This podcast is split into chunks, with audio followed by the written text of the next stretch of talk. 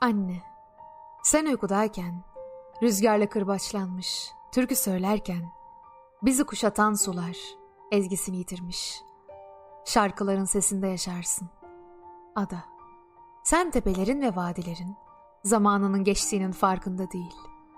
Onlar düşlerinde kaldı. Çocuklarının düşlerinde. Esmekte olan rüzgarların ve uçmakta olan tasasız kuşların. Ada, kızıl dünya biçimlendirdi sonsuzluğu. Taş kalpli yeryüzü. Taş bir sözcük düştü. Parçalandı henüz yaşayan göğsümde. Zararı yok. Ben zaten hazırdım. Gelirim bunun da üstesinden. Belliyi sonuna değin öldürmek gerek. Ve yaşamayı yeniden öğrenmek. Taşlaşması gerek ruhun. İşte yazın hışırdayan sıcak soluğu bayram gibi sarıyor pencereyi. Ben çoktan sezmiştim bu aydınlık günü ve boş evi. Öldürdüler evlatlarını senin ve sabretmeyi öğrettiler sana. Ve umut bağlayıp göklere, acı çekmeyi öğrettiler sana. Fakat senin evlatlarının daha başka oldu yazgısı. Çatladı sabır taşı ve çatladı tohumu acının. Ve öfke ağacı fışkırdı ondan.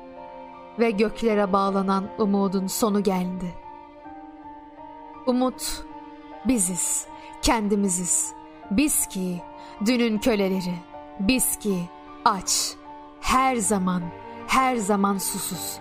Biz ki aydınlıktan yoksun, kör.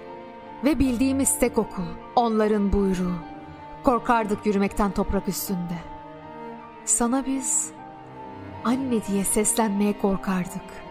Mesele şu ki arkasından hiçbir şey olmaz. Bulut ne biçimini ne rengini değiştirir. Yağmur ne yoğunlaşır ne durur. Yol, o yol üstünde zincir şıkırtıları, kuşların şarkısı, ormanların ıslaklığı altında, ateşler, çimendeki güneş, aydınlığın ahengi, rengin ahengi, sesin, hareketin ahengi.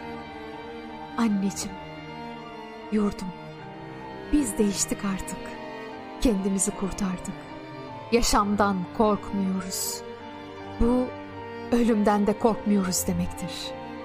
Biziz umudu ve bizim bizim savaşımız sana mutluluğu getirecektir.''